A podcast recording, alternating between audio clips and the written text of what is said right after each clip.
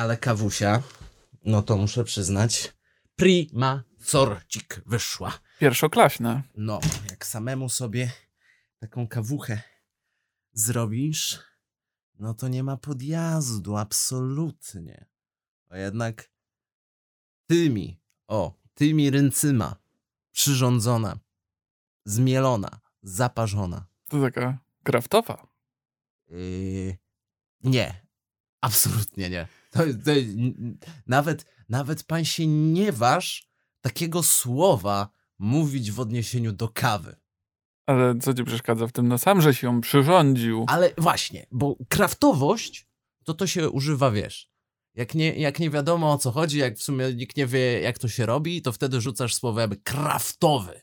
A kawa, mój drogi, kawa, no to tutaj już trochę inny, inny słownik trzeba użyć. Kawa może być specialty.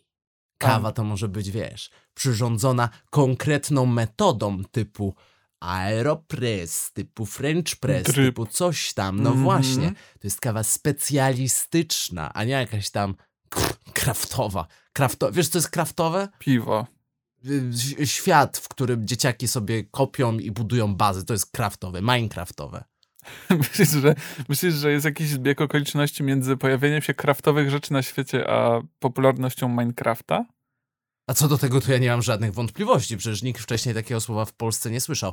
Nie było rzeczy kraftowych, co najwyżej, jeżeli chciałeś już bardzo wyjść pretensjonalnie, to mówiłeś, że to są rzeczy rzemieślnicze, a krafty, krafty zawdzięczamy właśnie Minecraftowi i piwoszom, którzy e, chcieli w jakiś sposób wysilić się i znaleźć sposób na odróżnienie piw, które smakują jak siki od piw, które smakują jak, no, siki z jakimś takim konkretnym aromatem.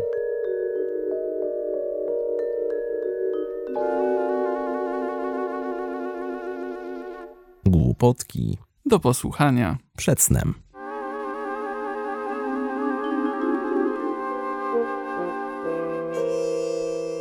No kiedyś były lody rzemieślnicze. To były chyba pierwsze takie mm, stoiska, sklepy, miejsca handlu, które były kojarzone w ogóle z tym ruchem. Masz takie wrażenie, że to od lodów się zaczęło w ogóle? Dla mnie to, ja będę apelował i będę raczej postulował, że to się zaczęło od piw. Mm. Że jednak piwa weszły trochę wcześniej i faktycznie pojawiła się jakaś taka nisza. Ludzie zmęczeni w tych e, wczesnych dwutysięcznych piciem tego samego piwa, które smakowało po prostu jak smakuje piwo. No bo jak piwo ma smakować jak piwo. No, Jasne, pełne, to, no. Jasne, pełne albo ciemne jak jesteś baba, prawda? I po jakimś czasie to była taka gigantyczna nisza, która się tutaj e, e, pojawiła. I zaczęto to nazywać piwami kraftowymi, bo to zostało prze, przerzucone oczywiście z zachodu, bo w sumie nie wiem dlaczego, bo przecież my mieliśmy w tym kraju całkiem ładne tradycje piwowarskie. No Właśnie, co się niby wydarzyło, że to w Stanach na przykład oni pomyśleli, zacznę sobie w garażu robić własne piwko i nie wiem, wezmę inne szyszki chmielu do niego, bo, bo mam taką fantazję i mi się nudzi. A my dopiero musieliśmy to podchwycić. Kto ma bliżej do Pilzna? My czy Amerykanie? Mm, Biorąc pod uwagę, kto jest właścicielem większości koncernów piwnych w Okej. Pilznie, powiedziałbym, że Aha, Amerykanie. okej. Natomiast u nas, u nas dość źle się kojarzy, znaczy, czy się źle kojarzy, y, raczej nie jest to miły i pozytywny wizerunek, tak jak w Stanach, idea robienia swojego własnego alkoholu. Oczywiście to się bierze od alkoholi z wysokim woltażem, czyli pędzenia bimbru. To się kojarzy negatywnie, to się kojarzy wręcz patologicznie. Co jest ciekawe, bo w Stanach Zjednoczonych tradycje bimbrownicze sięgające czasów jeszcze prohibicji także nie kojarzą się zbyt pozytywnie, no ale tam, wiesz, mniej regulacji, to sobie człowiek poradzi. W Polsce natomiast, jeżeli ty robisz swój własny alkohol, przynajmniej tak było jeszcze jakiś czas temu, to miałeś dwie opcje.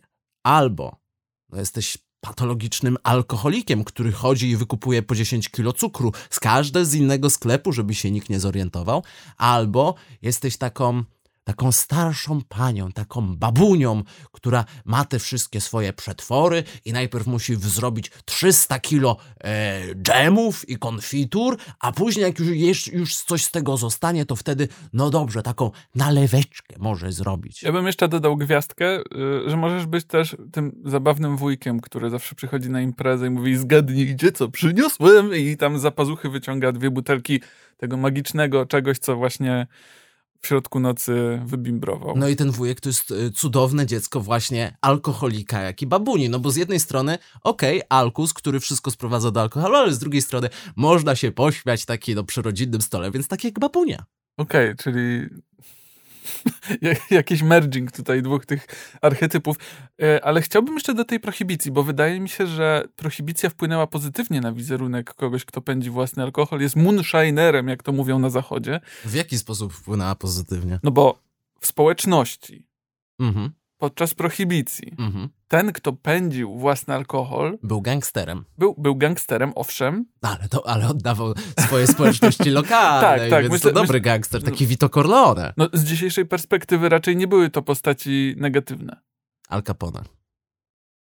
Wciąż nie są to postaci negatywne. Wciąż tak? uważam, że historycznie nie są uważane za negatywne postaci. No to kto jest uważany historycznie za negatywne postaci? Nie, właściciele niewolników, okej. Okay. Tak. No i tyle. No nie wiem. I republikanie. Wydaje mi się, że Al Capone jest związany z jakąś taką nostalgią za tymi czasami, że to wtedy oni się tam chowali i tam pędzili i wszyscy zapominają już o tym, że były morderstwa, porwania i tak dalej. Nie? Ja, nie, ja mówię to... o tym, o czym się pamięta to gangsterka, zwłaszcza ta gangsterka wczesna z początków XX wieku w Romantycyzowana. Oj, całkowicie, że tak. No nawet, nawet jak powstawały jakieś teksty kultury, które próbowały się z tym rozprawić, to one jeszcze bardziej to romantycyzowały, patrząc na przykład na, nie wiem, Zakazane Imperium, które no w jakiś sposób pokazywało te realia, brutalność tych realiów, ale z drugiej strony no super byli ci gangsterzy, no fajni Oni byli, byli no. cool kids. Cool nie? kids, no chciałeś być jak, chciałeś być jak ci, ci Włosi, a nie jak ci Irlandczycy, no bo jednak mm.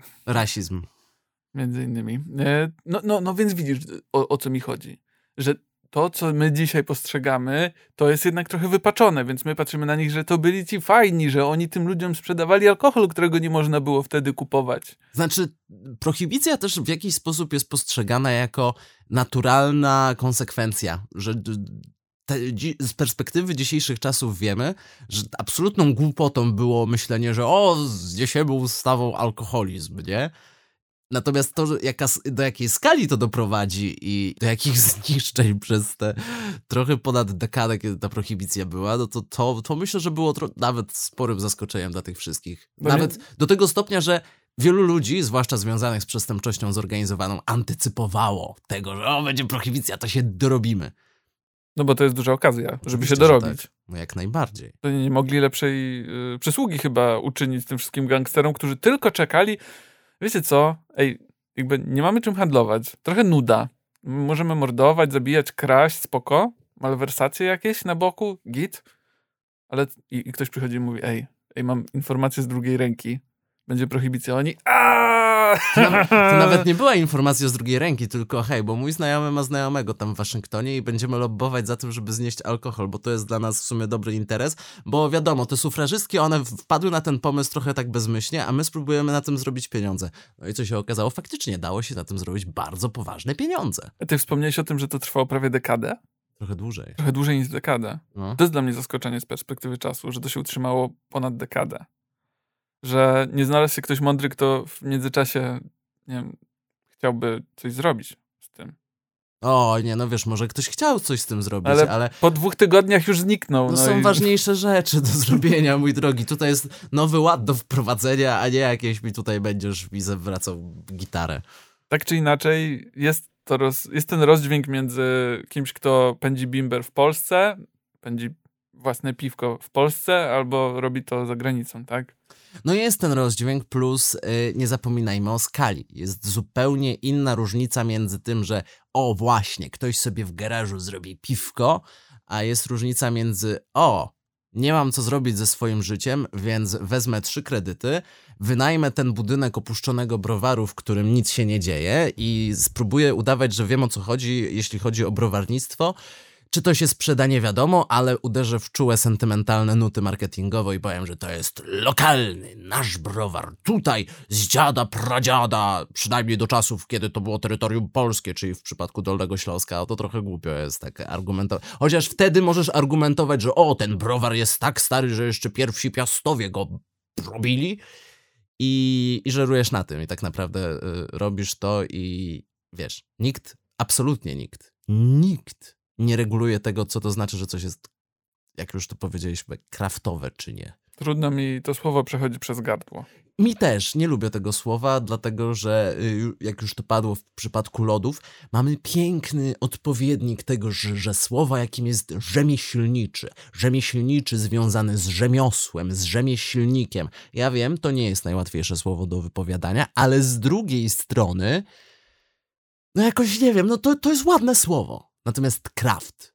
No, zabawmy się y, tutaj y, w marketingowców. Rzemieślniczy. Z czym mi się kojarzy rzemieślnik? No z takim kowalem, który ma własne kowadło, ma takie długi, długi fartuch, ma młot i robi cink, cink i proszę bardzo, zrobił podkowę rzemieślniczą. To, to ja może kontrargument. Kojarzy mi się z zawodami wymierającymi z przeszłością, która już znika z naszych y, radarów. A Craft, proszę pana? Nie, to widzisz, Z Minecraftem. To tak, natomiast moim zdaniem bardzo dobrze ci się kojarzy i tak ci się właśnie powinno kojarzyć, ponieważ wydaje mi się, że te wszystkie elementy rzemieślnicze w najlepszym wypadku są utopijne, w najgorszym wypadku są cyniczne, są próbą reaktywowania czegoś, co nie do końca jest dostosowane do potrzeb dzisiejszego świata, a nawet idąc dalej do potrzeb rynkowych. I zasadniczo, jeżeli pchasz się w tę sferę rzeczy kraftowych czy rzemieślniczych, trochę akceptujesz to, że przystępujesz do walki z wiatrakami. No Trochę tak. akceptujesz to, że prawdopodobnie, niestety wiele szans na to wskazuje, że za 3-4 lata będziesz musiał zgłaszać o upadłość, ponieważ okazuje się, że gdyby to było takie proste, robienie biznesu, robienie pieniędzy na tym, to by wszyscy inni dookoła to robili. I faktycznie są nisze, gdzie wszyscy teraz przekształcają się na te rzeczy kraftowe, ale chcę zwrócić uwagę, i to będzie najlepszy przykład właśnie w kontekście tych lodów rzemieślniczych. Dla mnie teraz widzę hasło lody rzemieślnicze, to to jest dla mnie czerwona flaga, bo domyślam się, że te lody rzemieślnicze z faktycznym rzemiosłem robienia lodów mają tyle wspólnego, że przychodzi gotowa mieszanka. Smakowa i gotowa mieszanka lodowa i ta buda z lodami, w którym dochodzi do tego procesu zmieszania, też została no, możesz kupić sobie poszczególne elementy, włącznie z lodówkami, z tymi mieszadełkami i tak dalej. Trochę to działa jak franczyza, tylko że nie jest to aż tak centralnie sterowane i nie ma konkretnej nazwy brandu, chociaż są właśnie już też, się pojawiają konkretne marki lodów rzemieślniczych, które no, mają tyle wspólnego z rzemiosłem, co McDonald's. Rzemiosło dla mnie ma sens tylko pod jednym warunkiem, że jest bardzo lokalne. Jeżeli mamy coś rzemieślniczego, co jest dystrybuowane w skali kraju, nawet w skali województwa, to mam z tym duży problem. No bo rzemieślnik, pomyśl sobie o rzemieślniku, o tym takim archetypie rzemieślnika, tak? Mhm. To jest ktoś, kto jest w jednym miejscu całe życie i tam sobie coś przygotowuje. I jak ty do niego nie przyjdziesz, żeby coś załatwić, on, on nie, nie, nie pojedzie do ciebie na drugi koniec Polski i ci nie przygotuje tego, czego ty akurat chcesz. Może ci to wysłać, jasne. Ale nie otworzy franczyzy swojego rzemieślnictwa i nie będzie w tym drugim miejscu robił tego samego, co on robi. Bo nie chce.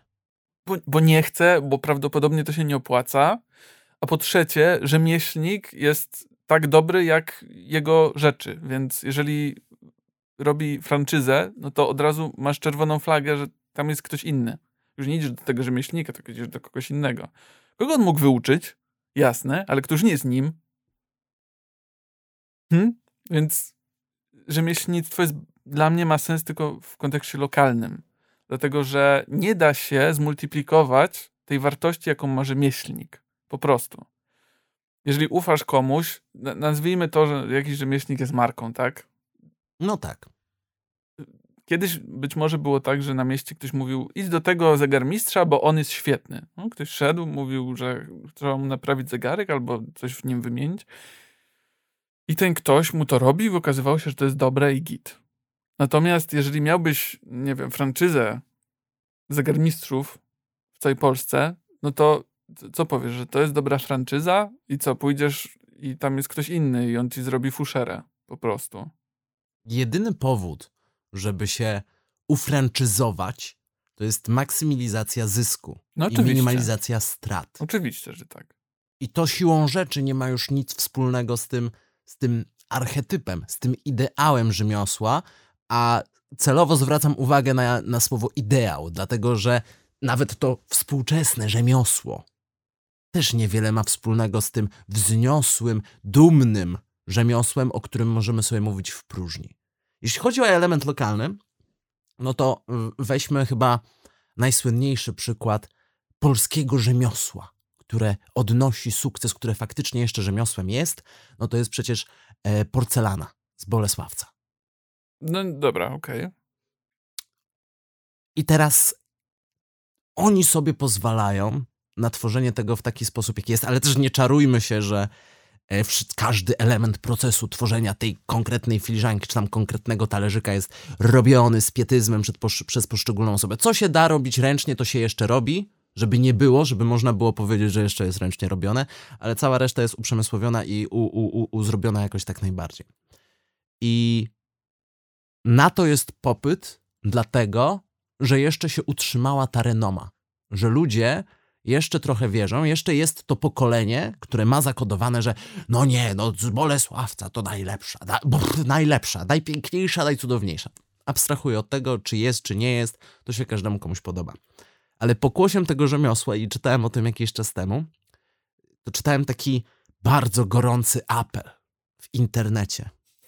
Oho, apele internetowe. Apele internetowe, zwłaszcza w kontekście rzemiosła, to jest mój faworyt. Że jest jakiś sklep. Już nie pamiętam gdzie, wydaje mi się, że to mogło być we Wrocławiu, ale że jest sklep, który prawdopodobnie będzie musiał się zamknąć. Dlaczego? No bo już, już nie ma takiego popytu. Co to był za sklep? Był to sklep, który zajmował się sprzedażą właśnie tejże ceramiki z Bolesławca. W hmm, zasadzie. Hmm, okay. I, I ludzie tam ojojali, o matko, co za czasy, co za obyczaje, że takie właśnie lokalne sklepy upadają. Tylko problem jest taki, że ten sklep nie upada dlatego, że zmniejsza się popularność ceramiki z Bolesławca, bo to oni dalej jako tako przędzą.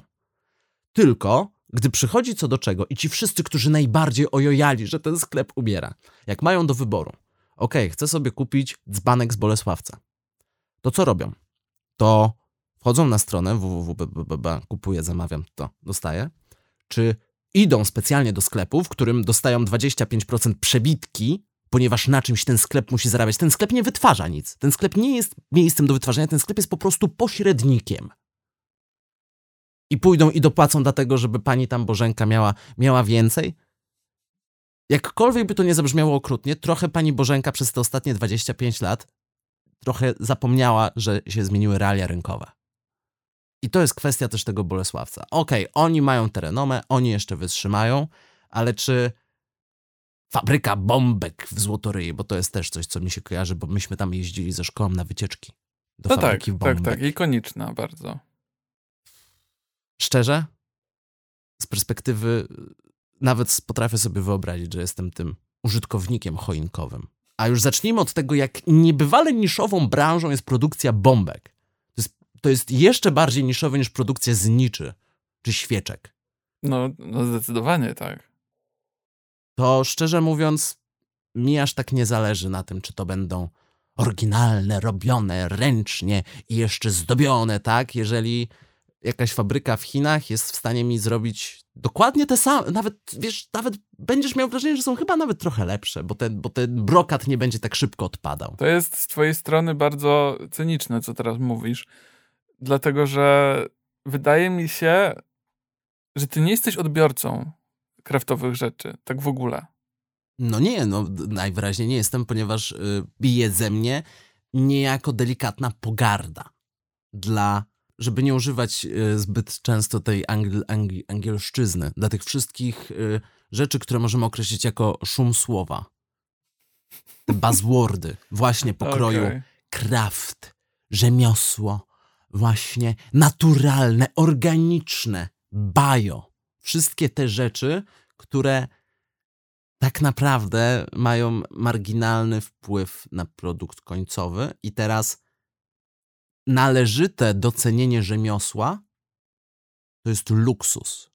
Oj, zdecydowanie tak. A żyjemy teraz w czasach, kiedy dostęp do dóbr stricte luksusowych jest coraz bardziej ograniczony, dlatego że ludzie en masse, okej, może nie biednieją, ale dostęp do dóbr luksusowych staje się zamknięty, ponieważ bogaci się jeszcze bardziej bogacą, a biedni pozostają biedni w ten sposób. Dlatego te apele, właśnie te apele mnie najbardziej irytują. Te apele, och ludzie, kupujcie, albo idźcie do pana Mietka, który ma piekarnię od 75 lat. Idę do pana Mietka i widzę, że jest chleb za 12 zł, ponieważ taka jest kwota, którą on musi dać, żeby to było jak najbardziej, żeby to się w ogóle jakkolwiek opłacało. No tak, i jemu się nie można dziwić, bo Ja- on wkłada w to w serce i strasznie dobre produkty. I ja jemu się nie dziwię. I podejrzewam nawet, że ten chleb za 12 zł może być w jakiejś formie warty tych pieniędzy. Natomiast zastanawiam się, czy ten przeskok pomiędzy chlebem za 8 zł a 12 zł będzie uzasadniony, żeby dopłacać te 4 zł. Bo przeskok pomiędzy chlebem za 2 zł a 8 zł jasne. Tylko to nie do mnie ten problem, bo mnie na to nie stać. No Więc- nie, ty nie jesteś odbiorcą tego. Więc jeżeli ktoś chce już takie apele i gorzkie żale robić, no to, to, to, to proszę, proszę do bogaczy. Znaczy, to jest, to jest fajny apel w, w pewnej bańce. Te apele to jest y, taki element, żeby wygasić swoje własne sumienie. Nie no, To jest, oczywiście. to jest dosłownie y, y, odpowiednik tego, powiesz komuś, że coś się dzieje, coś złego, ach, będę się za ciebie modlił.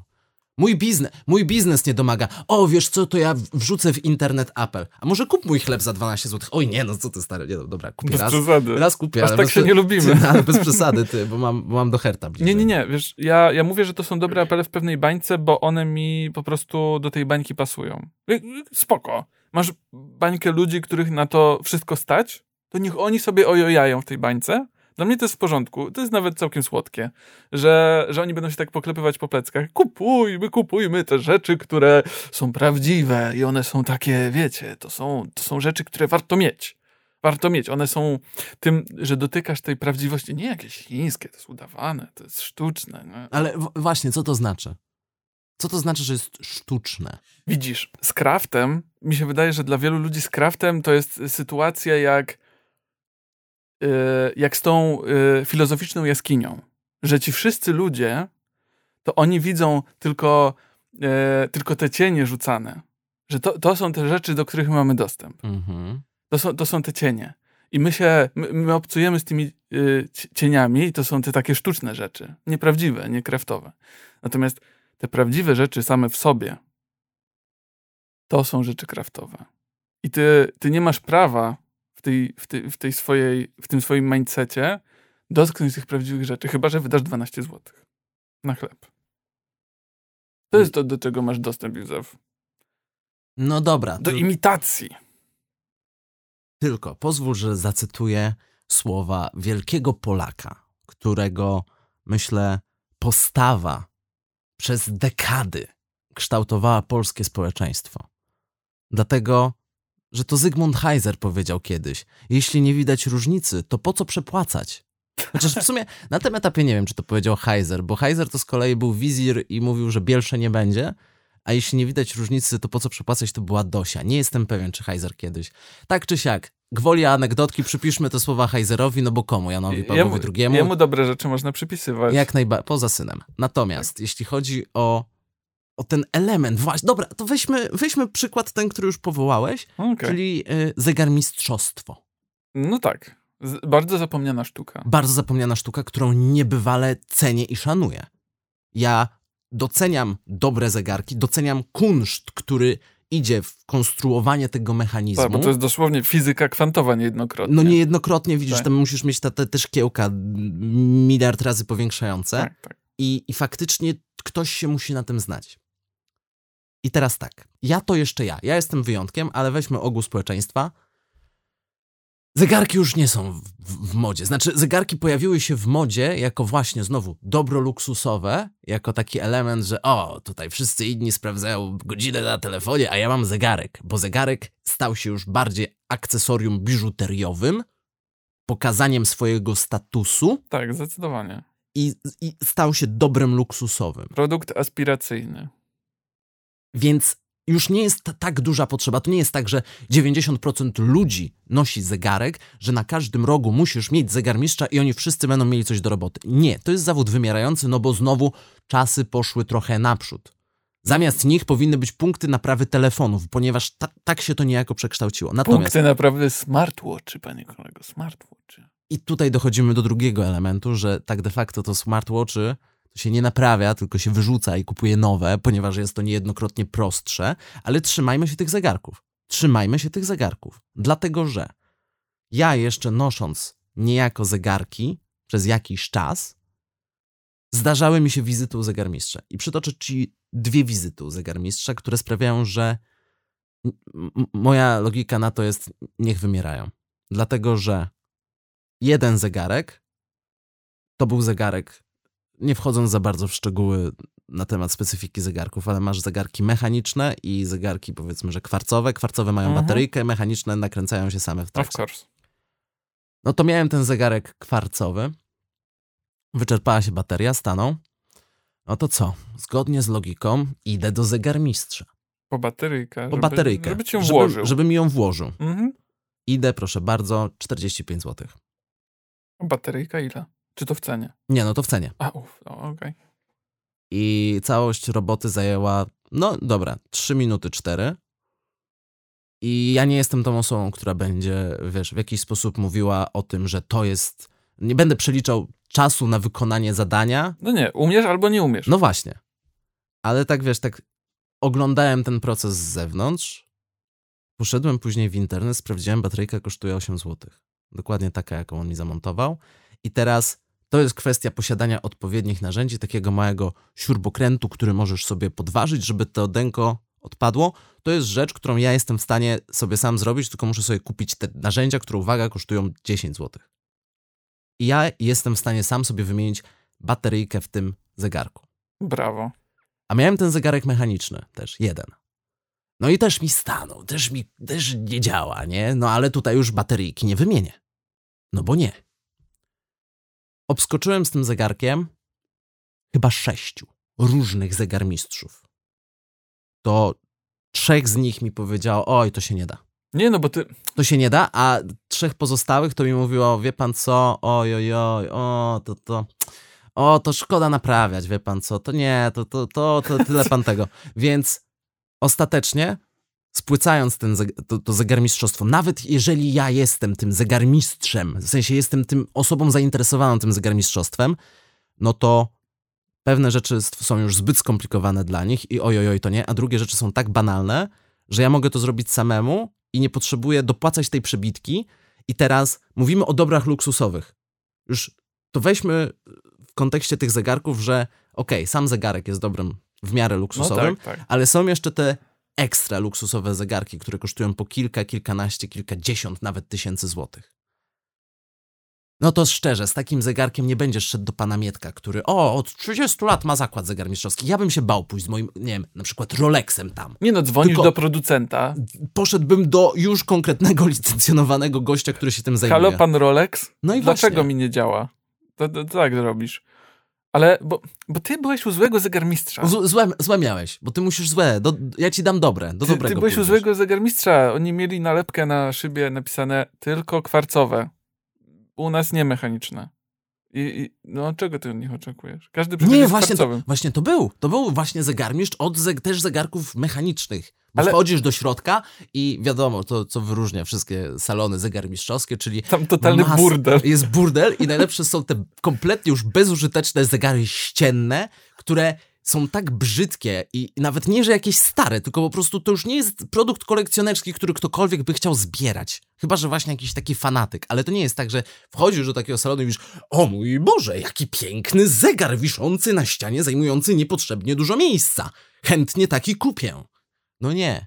I właśnie te zegary, które wiszą u tych zegarmistrzów i niejednokrotnie widzisz, że to są takie zegary, no nie, nie, nie, że nie są to dobrej jakości zegary, tylko po prostu jakieś takie gówna z Chin. I one są dla mnie uosobieniem całej tej branży, która co do zasady, niech, niech wymierają te salony zegarmistrzowskie, zostanie Wow. kilku najlepszych i wtedy to już będzie całkowicie towar ekskluzywny. No bo Co to jest za dobór naturalny jakiś w ogóle? to nie jest dobór naturalny, ponieważ to jest dobór ekonomiczny. O nie! A ekonomia nie jest naturalna. Nie, to nie jest nic naturalnego. E, To jest wynaturzenie. Py- pytanie mam tylko jeden follow-up.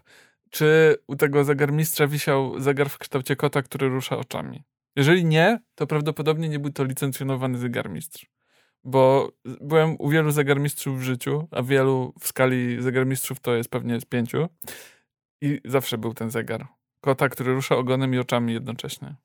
Jeżeli nie było, Józef, to nie chcę ci psuć humoru, ale nie byłeś u licencjonowanego zegarmistrza, tylko jakiegoś hochsztaplera zwykłego.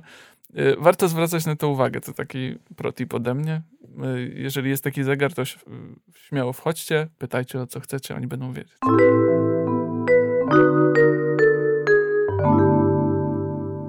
No się sfiksowaliśmy trochę na tych zegarach, tak w ogóle. Tak, mm, jeśli chodzi o, o ten element rzemiosła i ten element craftu, niejednokrotnie mi się zdarza, że ja gdzieś zagłębię się w różnorodne czeluście internetu No. i trafiam na jakieś powiedzmy filmiki, nagrania, które no powiedzmy nie, nie- są dla mnie jakoś przesadnie interesujące, no ale włączę i nawet się wkręcę. I z tymi kraftami i z tymi właśnie rzemiosłami jest, jest, jest cała masa różnych filmików na YouTubie, właśnie pokazująca takie wymierające rzemiosła, takich ostatnich z ostatnich, którzy się zajmują tą właśnie jakąś konkretną specyfiką.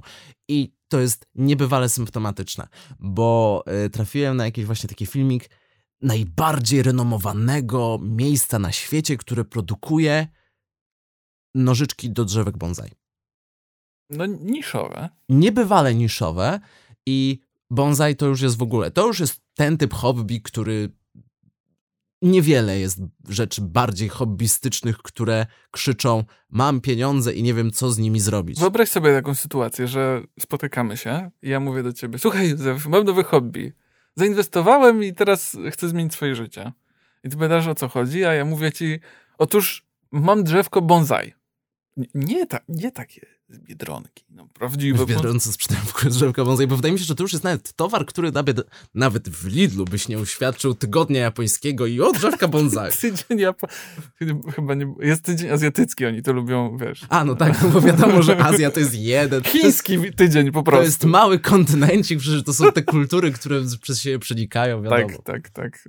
Żeby nie powiedzieć cink ciang ciąg, bo to jest y, już trochę za dużo. Ej, a myślisz, myślisz, że analogicznie w takich sklepach, powiedzmy gdzieś w Azji, oni robią tydzień europejski? No, my, myślę, że w Stanach tydzień europejski to jest coś, co na pewno mogłoby się wydarzyć. I tam masz jakieś francuskie i włoskie rzeczy zazwyczaj i na tym się kończy. I piwo niemieckie. Ewentualnie bratwursty, o tak. I to jest- I to jest tyle, nie? To jest Europa.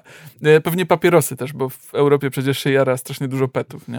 E, Ale przychodzę do ciebie i mówię, że kupiłem sobie prawdziwe drzewko bonsai. I co, co sobie myślisz o mnie?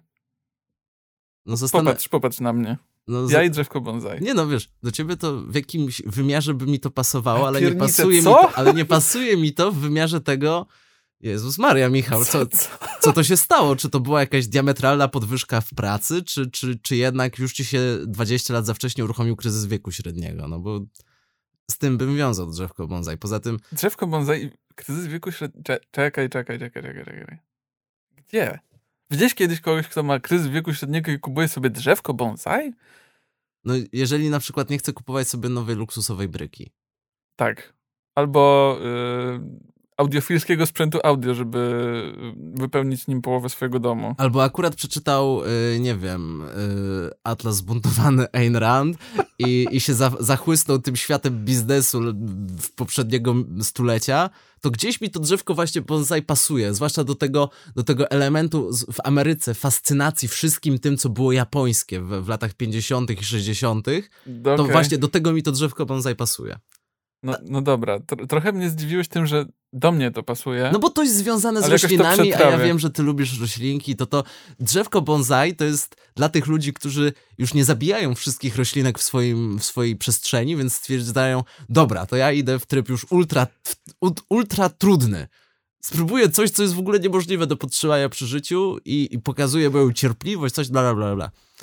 Ale ja w ogóle nie o tym, ja w ogóle nie chciałem no o tych wiem. drzewkach bonsai, bo no, chciałem no powiedzieć o, o tym, że mamy to niebywale snobistyczne hobby. No, no nie da się Które, okej, okay, może nie jest najbardziej rzadkim hobby na świecie, ale próg wejścia w drzewka bonsai jest niebywale wysoki i żeby być w tym jakimś takim...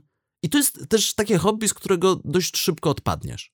Jeżeli nie masz odpowiedniego zdeterminowania siły, to bardzo szybko wypadniesz z tej gry. I mówimy o tym hobby, które wymaga powiedzmy jakiegoś konkretnego zestawu narzędzi i wśród tych narzędzi właśnie możesz pójść na ten szcze szczebel najwyższy z najwyższych i mieć te konkretne nożyczki do drzewek bonsai z tego konkretnego, od tego konkretnego gościa, który niczym Hattori Hanzo w Kill Billu po prostu siedzi w tej swojej jednej klitce i robi jedne nożyczki przez rok. Aj. I dosłownie. I tam jest opowieść tego gościa, no. który robi te no nożyczki. I on już jest dość w podeszłym wieku i on oczywiście no narzeka. On oczywiście narzeka, że no nie ma kto po nim przejąć biznesu. No nie ma, bo on ma dwóch synów, ale i jeden i drugi nie jest zainteresowany. Jeden co prawda się tam przeszkalał do tego, ale po roku powiedział ojcu, powiedział mu, że o, to jest za trudne. I ta, ta dzisiejsza młodzież to już nie ma kompletnie cierpliwości, bla, bla, bla, bla. I oglądasz ten proces tych robienia tych nożyczek.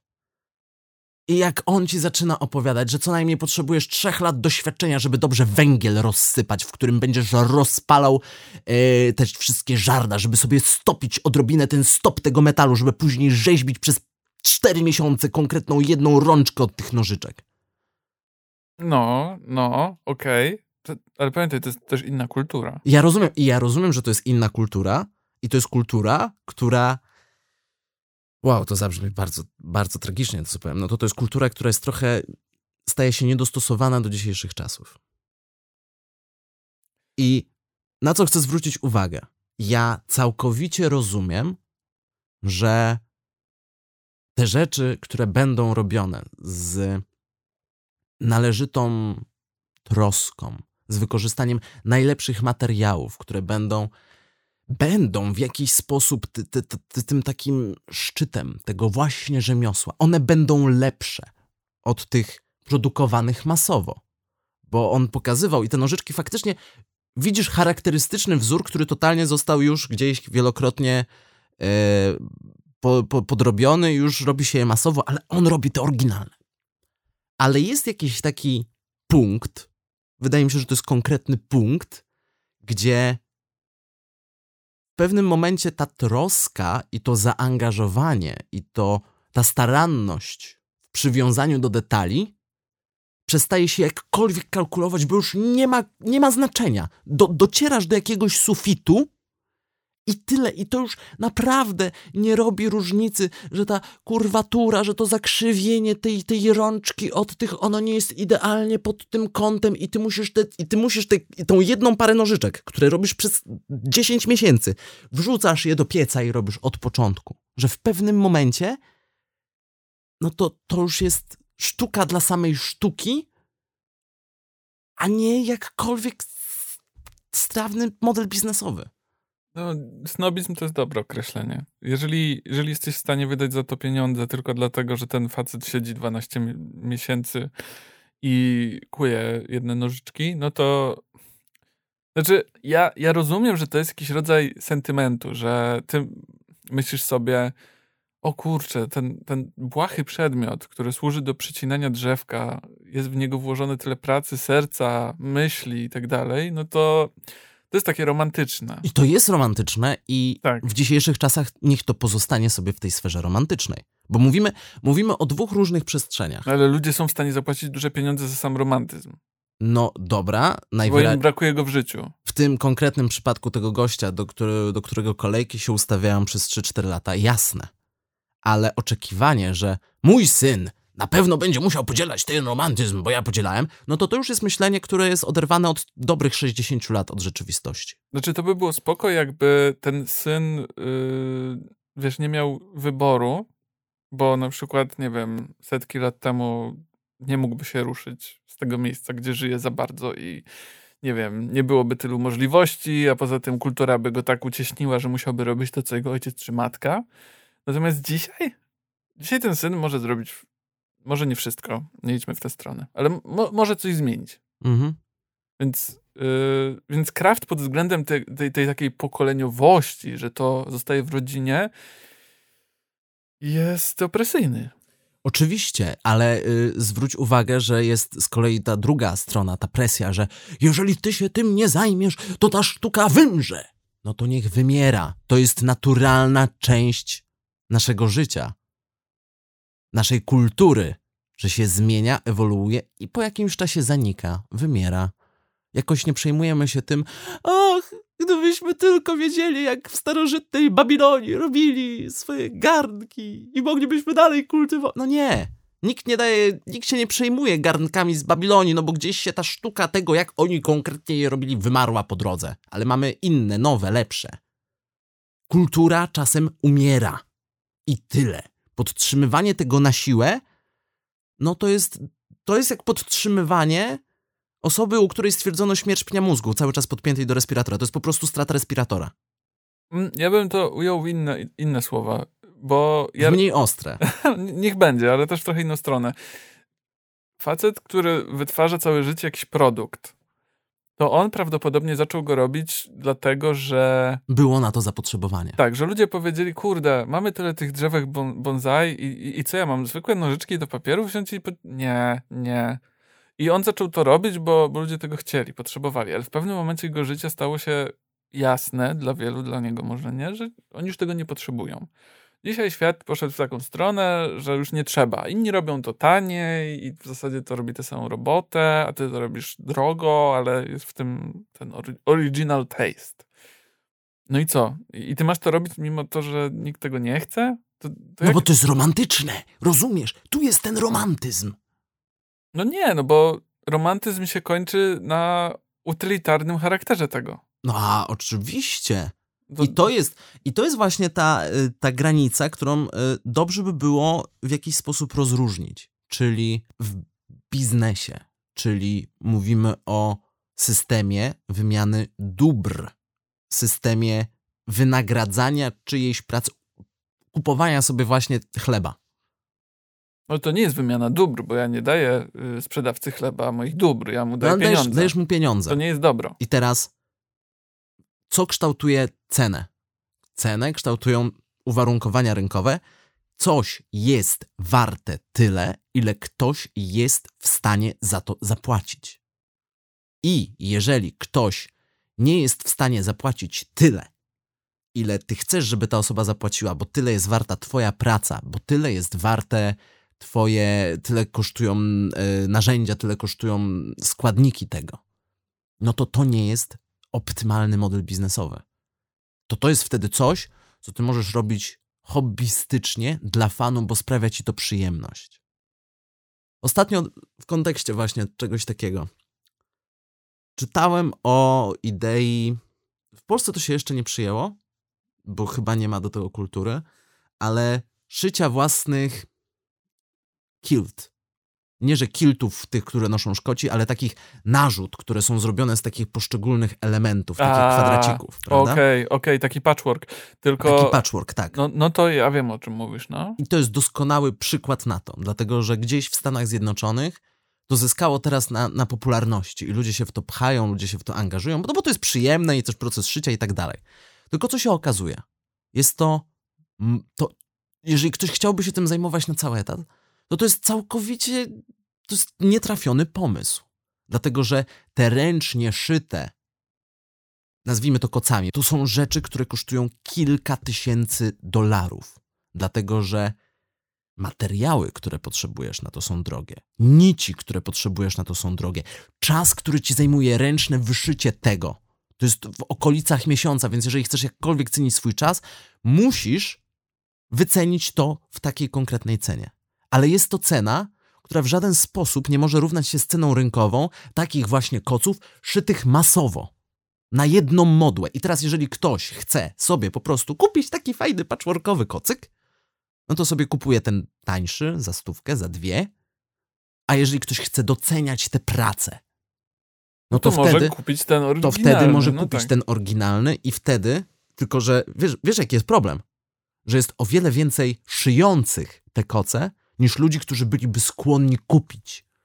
Więc traktowanie tego jako osobny model biznesowy mija się z celem. Traktowanie tego jako hobby, które powiedzmy, nie wiem, rozdajesz znajomym w ramach prezentu albo sprzedajesz, bo robisz je w sposób jakiś mega unikatowy, dopasowany do czyichś potrzeb. No to tu jest ta różnica. No tak, tylko że kiedyś te kilty y, były szyte w domach po prostu, bo ludzie potrafili to robić. No i gdzieś ta sztuka trochę wymarła, trochę gdzieś zaniknęła i ludzie sobie o niej przypomnieli i próbują ją znowu reaktywować, tylko że rynek nie odpowiada na tą potrzebę. No tak, ale to też nie było tak, że ty, że, że szyło się na, na skalę, że nie wiem, całą wioskę się zapatry, zaopatrywało w te kilty. Bo w wiosce było ileś tam osób, które No. same sobie to robią. Plus jeszcze one mają, tego się nie sprzedawało. one mają tę cechę, że jak je uszyjesz raz, to to jest coś, co może być przekazywane z pokolenia na pokolenie. Tak, oczywiście, że tak. To są takie skarby rodzinne czasami nawet. No. Tak jak żeliwne patelnie. No tak. Bez teflonu. Bez teflonu, za to z tą narośniętą warstwą tłuszczu, Mm, której mm, nie mm. wolno myć, ponieważ to zapewnia. No i dobra, no i dobra. Tylko widzisz, z, z, chociażby z tymi żeliwnymi patelniami, nie jest to rynek, który by aż tak potrzebował, żeby każdy, kto chce się rzucić na to, o, będę robił żeliwne patelnie, to to nie wystarczy.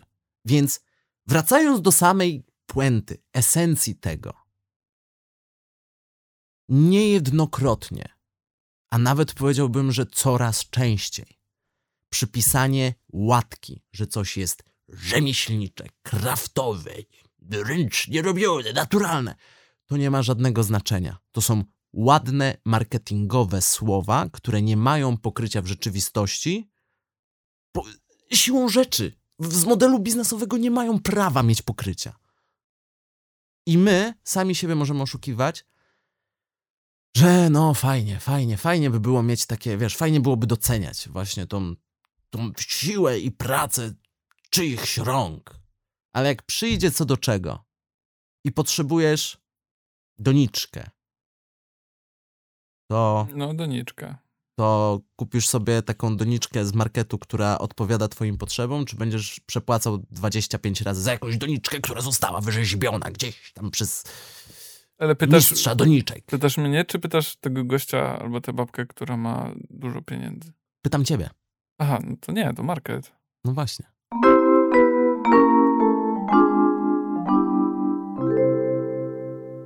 My, my mamy taką tendencję, Józef, do, do szukania spisku marketingowców w wielu tematach. I Mm. są dwie drogi, którymi możemy pójść. Jedna droga jest taka, że tak, to faktycznie wszystko, nasza rzeczywistość jest kreowana przez marketing. Żyjemy w wielkiej iluzji, Matrix, trzeba wziąć jedną z pigułek, bo, bo, bo nie czeka nas nic dobrego. Ale jest też druga droga, że trochę się, że trochę się w tym zapędzamy i że to wszystko wcale nie działa w ten sposób. nie rzucałbym słowa spisek tak bardzo. Spisek sugerowałby, że jest jakaś taka aura tajemnicy, że, że jest jakiś pilnie strzeżony sekret, do którego dostęp mają tylko pięciu, sześciu objawionych, którzy, nie wiem, rzucają jakieś takie... y, Sekret mnicha tak zwany. Rzucają jakieś takie okruchy prawdy i, i jest cała, całe grono tych, którzy skupiają się na tym, żeby poświęcić się w gronie, nie wiem, tej właśnie prawdy. Kod Da Vinci. Natomiast jeśli chodzi o marketing, marketingowców, to to nie jest spisek, to jest wiedza mniej więcej, wydaje mi się, powszechna. Oj, oj, oj. Za daleko. Za daleko. Celem marketingu jest zmaksymalizować sprzedaż, jest, jest nakręcić tę sprzedaż, wygenerować chęć sprzedaży sprawić, żeby twój klient zarobił jak najwięcej. Tak, tak, o, absolutnie. Ale dobra, zrobisz sondę. To jest jedna z tych sytuacji. Zrobisz sondę i zapytasz ludzi, do czego służy marketing? I oni powiedzą, no do sprzedawania mi rzeczy, do, do, do Do reklamowania. wciskania ci rzeczy, Tak, w zależności od tego, kogo spytasz. Tak, do reklamowania, do oszukiwania mnie, do kłamania. Ludzie będą tak mówić. Spoko. Ale czy oni w codziennym życiu, czy my w codziennym życiu jesteśmy faktycznie aż tacy sprytni jak w tej sądzie? Nie, no absolutnie nie. No właśnie. Zwłaszcza, że marketing to jest niebywale szerokie pojęcie. Marketingiem będzie też, jeżeli ja powiem ci, o, szukasz słuchawek, słuchaj, a myślałeś o tej firmie, bo ja ją mam i ona mi się sprawdza. To też jest forma marketingu, mimo że nikt mi za to nie płaci. Tak, nawet nie musiałeś I nie tego szeptać, a to jednak marketing szepta. I nie robię tego świadomie. Jest tyle różnych odmian marketingu. I biorąc pod uwagę, w jakich oboje się mniej więcej branżach zajmujemy, głupotą byłoby, a nawet powiedziałbym hipokryzją byłoby mówienie, że każdy marketing jest zły. No tak. Że marketing w samej swojej esencji jest zły, ponieważ nie generuje żadnego dobra, tylko napędza tę konsumpcyjną spiralę. Bla, bla, bla, bla. Absolutnie nie. Ja bym tylko chciał, żeby marketing w miarę, jakkolwiek, był oparty na jakichś w miarę przejrzystych. Żeby nie był tak cwany. O, to jest chyba najprostsze, co mogę powiedzieć. Bo cwany jest. Cwany był pierwszy koleś, który wymyślił, że może sprzedawać warzywa, które nie mają w sobie glutenu. Bo w sumie, ej, żadne, większość warzyw nie ma glutenu, ale my będziemy pierwsi, którzy to podkreślimy, nie? To jest, to jest dla mnie przykład właśnie takiego cwanego marketingu, który z jednej strony to nikomu krzywdy nie robi, po drugie nie wynika z nieprawdy, no bo przecież to nie, nie oszukujesz. Ale z trzeciej strony patrzysz na to i masz takie... I, i pozostaje w tobie jakiś taki niesmak, że do tego to doszło. No wiesz, trzeba robić, co trzeba robić, żeby się utrzymać na tym rynku. Jak będę musiał powiedzieć ludziom, że coś nie ma glutenu, tylko po to, żeby chcieli to kupić, no to moja firma musi Ojejku, no tak, no to ci biedni marketingowcy są zmuszeni do tej sytuacji. To ta sytuacja, oni, oni, oni rączki mają czyste, oni po prostu są w takiej trudnej sytuacji postawieni, a wcale nie wygenerowali sami na własne życzenie takiej sytuacji. Takiego owczego pędu. No nie, no to na tym to polega ostatecznie. No. żeby robić owczy pęd trochę. No, Można, mo- można na to wszystko wrzucać, ale skupiając się na tym kraftowym właśnie owczym pędzie, wydaje mi się, że, że on jest w swoim założeniu dość niewinny, a to wszystko dzieje się, wiesz, przy skalowaniu tego zjawiska. Że ta chęć ludzi, ona, ona jest podszyta dobrymi intencjami ogólnie. Jeżeli ktoś myśli sobie, że będzie kupował więcej kraftowego, to zazwyczaj idzie za tym i, dwie myśli. Albo dlatego, że to jest modne i fajnie się pokazać z kraftową rzeczą, do, dobra. Ale druga rzecz to jest takie, mm, być może ja bym chciał komuś pomóc, albo ja, ja bym chciał coś takiego wartościowego, że za tym stoi człowiek i ja tego człowieka mogę poznać, albo nie wiem, mogę przeczytać jego historię, albo że to jest jakaś taka, no nie wiem, rodzinna tradycja, że wiesz, za tym są takie bardzo fajne, mm, fajne wartości, tak Nie. naprawdę. Nie, nie, nie, nie. To ja widzę, że my już musimy w tym momencie wprowadzić bardzo jasne rozróżnienie. Bo to, o czym ty mówisz, okej, wa- zwłaszcza w tej skali lokalnej, to może mieć zastosowanie, więc nazwijmy to rzemieślniczym, ale wyłączmy z tego te lody rzemieślnicze, no bo to jest ściema. Więc nazwijmy to rzemiosłem. I drugą stroną tego samego, o czym ty mówisz, jest właśnie ta kraftowość i dla niej najbardziej symptomatyczne będą, no jeszcze parę lat temu, burgery kraftowe. Gdzie burgery kraftowe to były takie, bo wiesz, idziesz do Maka, idziesz do Burger Kinga i oni ci mrożone burgery po prostu odgrzewają i to wcale nie jest mięso dobre, to takie tego, więc idziesz tutaj do takiej właśnie burgerowni kraftowej, gdzie tutaj masz super jakąś pszenną bułkę, nawalone jest tego w opór, masz po, ponoć to mięso, które jeszcze ta krowa żyła chwilę temu i to jest to dobre, masz tego, nie wiem, pół metra tego burgera w górę, nie idzie tego zjeść, nie idzie tego w ogóle z tego, podaje ci to konkretny archetyp człowieka, który już jest trochę, ma kryzys wieku średniego, ma bardzo długą brodę, czarne rękawiczki i podaje ci to z food trucka, z food trucka, który w swoim samym sa- założeniu powinien likwidować część kosztów, które ty jako producent tego burgera kraftowego ponosisz, ale jednak burgery z tego kraftowego food trucka są o wiele droższe niż z lokali. Więc dostajesz tą mega przehajpowaną, przece... Na... niewartą swojej ceny bułę, ale to jest kraftowe i to jest lepsze. I próbujesz to i masz takie no, no w, sumie, w sumie burger Dwala z maka jest trochę lepszy. Smakuje trochę lepiej. o, shit. Wiedziałem, że pójdziemy w stronę jedzenia. Takiego, pójdziemy. Że, że kulinariów. I teraz, I teraz jeszcze. Powołałem się na te burgery, bo można było się jeszcze łudzić parę ładnych lat temu, że nie, no faktycznie, ten proces, który obserwujemy w barach szybkiej obsługi, jest zbyt dobrze zoptymalizowany. Jest w 100% zoptymalizowany na zysk, więc tam nie ma tej tego minimum pasji, które jest potrzebne do tego gotowania, tego, tego zaangażowania, tego sięgania po to, co najlepsze dla konsumenta. Można było się łudzić, ale dość szybko te całkiem dobre, zręczne budy, które sprzedawały te burgery, do których ustawiały się kolejki, nagle patrzysz i nagle są cztery takie budy w mieście. Znowu przymykasz na chwilę oczy i już masz dziesięć takich bud w całym województwie. To się ufranczyzowało. I nagle idziesz po raz kolejny do tej budy i widzisz, że to już nie jest to samo. I czujesz, że no nie no, jednak poszli na stuprocentową optymalizację zysku, że to już nie jest to, co cię skłoniło do tego w pierwszej kolejności.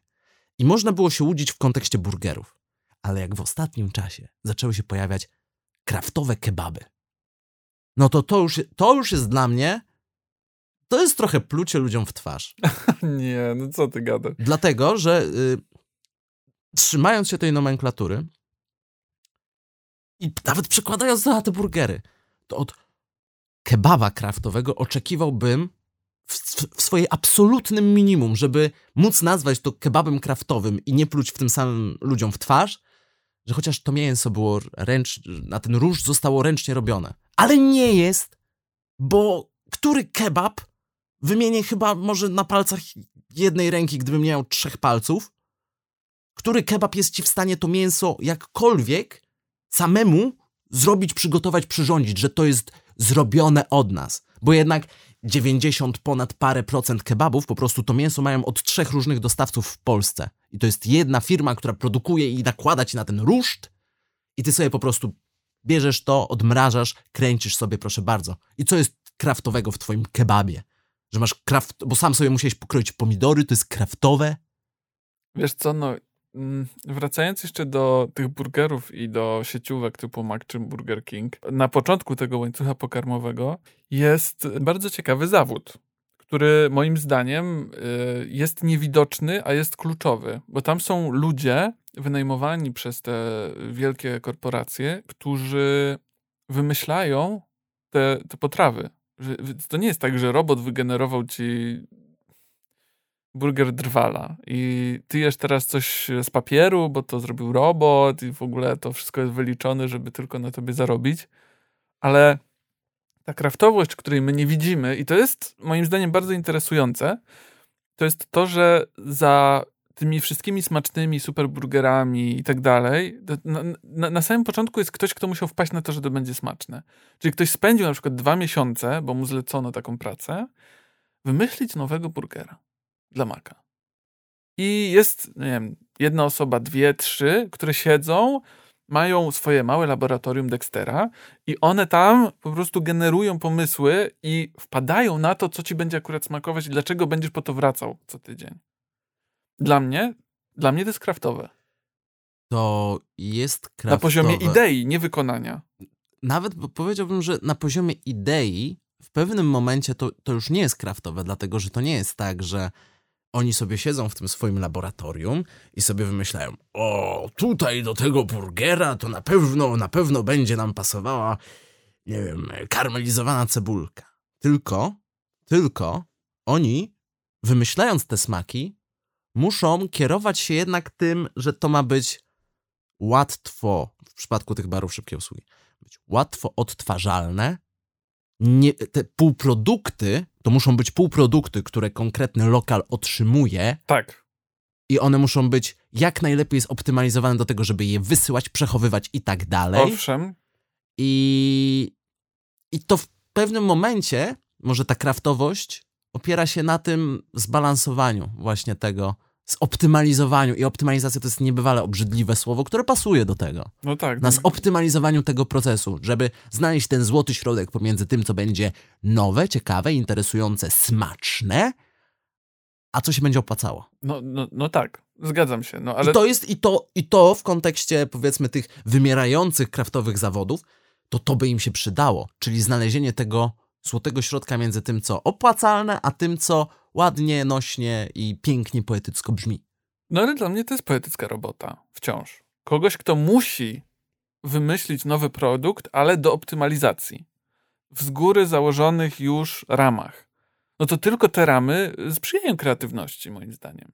Że ktoś musi odpowiedzieć na konkretny problem, ale za pomocą swojej wiedzy, swoich umiejętności, na poziomie czasami chemicznym w ogóle, jak łączyć składniki. No to cóż jest bardziej kraftowego, jak nie człowiek, który musi to wymyślić? Ale to jest, to jest dla mnie sztuka. To, No jest, to dobra. jest dla mnie ktoś, kto jest rzemieślnikiem w swojej roli. No dobra, a później bierzesz powiedzmy już tego powiedzianego burgera drwala, gryziesz to i myślisz sobie, no och, okej, ale strasznie suche, wysusza mi to mordę, jakiś jeden sos po środku by się przydał, więc cała ta energia, która została włożona w wymyślenie tego, no to, te, to się też rozbija. Ja, ja nie mówię, że ktoś jest genialny, ja mówię tylko, że jest kraftowy. Nie mówię, że oni są geniuszami, ja mówię tylko o tym, że to jest sztuka, co oni robią.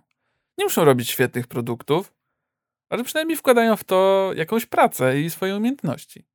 No, że później to jest sprzedawane w, nie wiem, w 100 lokalach w Polsce, nie wiem ile jest lokali Mac, ale pewnie więcej niż 100. Więcej. No to już jest inna sprawa, nie? To tylko chciałem zaznaczyć yy, tę drugą stronę medalu.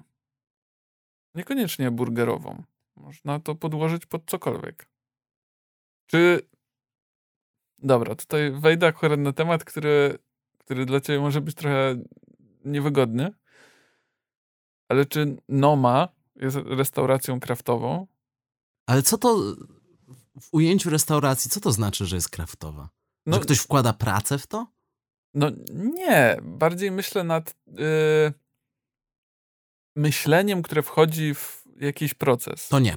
To ja uważam, że Noma, skoro już chcesz się powoływać na Najpopularniejsza spośród y, najwyżej ocenianych y, restauracji na świecie. to już dla mnie o wiele bardziej, o wiele większą wartość tego kraftu, rzemiosła, będzie miała y, Buda, która robi zapiekanki od 40 lat w okolicach dworca, niż Noma, dlatego że w tej budzie, która robi zapiekanki, jeżeli pracują tam dwie osoby, to 100% ludzi jest zaangażowanych w proces i w wymyślenie i w, o, w opracowanie tego gotowego produktu. W Mhm. Nomie masz tego head szefa, niebywale pretensjonalnego, niebywale y, zadufanego w sobie.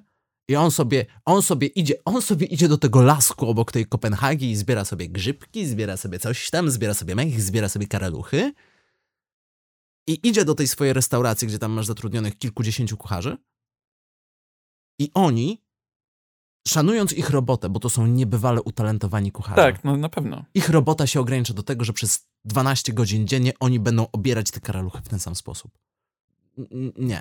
No bardzo, bardzo się cieszę, że tak powiedziałeś, bo ja właśnie y, też trochę tak czuję, że ten ogromny talent kucharzy profesjonalnych, zawodowców y, o niezwykłych umiejętnościach sprowadza się nie do tej twórczej roli, powiedzmy to, rzemieślniczej roli, tylko do roli y, zastępowania tej maszyny w maku, która ma cały czas wykonywać tę samą pracę. I, i zawsze, bo jaka jest, jaki jest wymierny charakter restauracji, która dostaje gwiazdki Michelin? Powtarzalność. One muszą za każdym razem dowieść tę samą jakość. I ekscentryczność. Ekscentryczność owszem, Bo Buda. Ale powtarzalność. Bo, bo Buda, która ci robi najlepsze zapiekanki na świecie, ona nie musi być powtarzalna. Ale choćby i była, nawet jak będzie w 100% powtarzalna i za każdym razem, jak idziesz do tej Budy, dostaniesz super zapiekankę, to ona nie będzie, ona nie dostanie gwiazdki Michelin, chyba że w tej zapiekance to chleb byłby robiony z procesu y, y, jofilizacji brzoskwini i pestek, które tam są, zmieszany z właśnie y, grz, jajami grzechotnika, bla, bla, bla, bla. Ale Musi to, to być... nie była Buda przy dworcu. No i dlatego y, y, Michelin, a zacznijmy, a zacznijmy od czego się wzięło Michelin, czyli od y, nakręcania sprzedaży opon, żeby ludzie jeździli w jakieś zadupia, zjeżdżali ze swojej trasy głównej i pokazywanie im, o, tu są fajne, ciekawe, wartościowe, stało się wyszukiwaniem najbardziej wydumanych rzeczy, które po prostu, jeżeli, jeżeli ty, czytając menu, po pierwsze, jeżeli dostaniesz tam cenę, no to, to w ogóle fujka, ale jeżeli ty czytając menu, to by się obie brwi nie uniosą do góry, że o, co to ma być, no to to nie jest warte nawet wzmianki, myślę. A chciałbym, żeby się znalazło miejsce, które będzie polecało właśnie takie budy, w których możesz zjeść dobrze, przystępnie, za dobre pieniądze i że faktycznie warto jest w minimalnym stopniu z tej trasy zjechać niedaleko, jakoś nie mocno, nie, nie, nie nadrobisz zbyt wiele, ale tyle, żeby zjeść i wyjść zadowolonym. To jest tyle, czego ja oczekuję. Magda Gessler właśnie y, chciała być taką osobą, która chciała wskazywać nam miejsca, gdzie będzie smacznie jak u mamy. Nie więcej, po prostu. Będzie porządnie. Jak skończyła? Drąc się na ludzi. A jak skończyły lokale, które były odwiedzane przez Magdę Gessler? No to już można sobie samemu sprawdzić.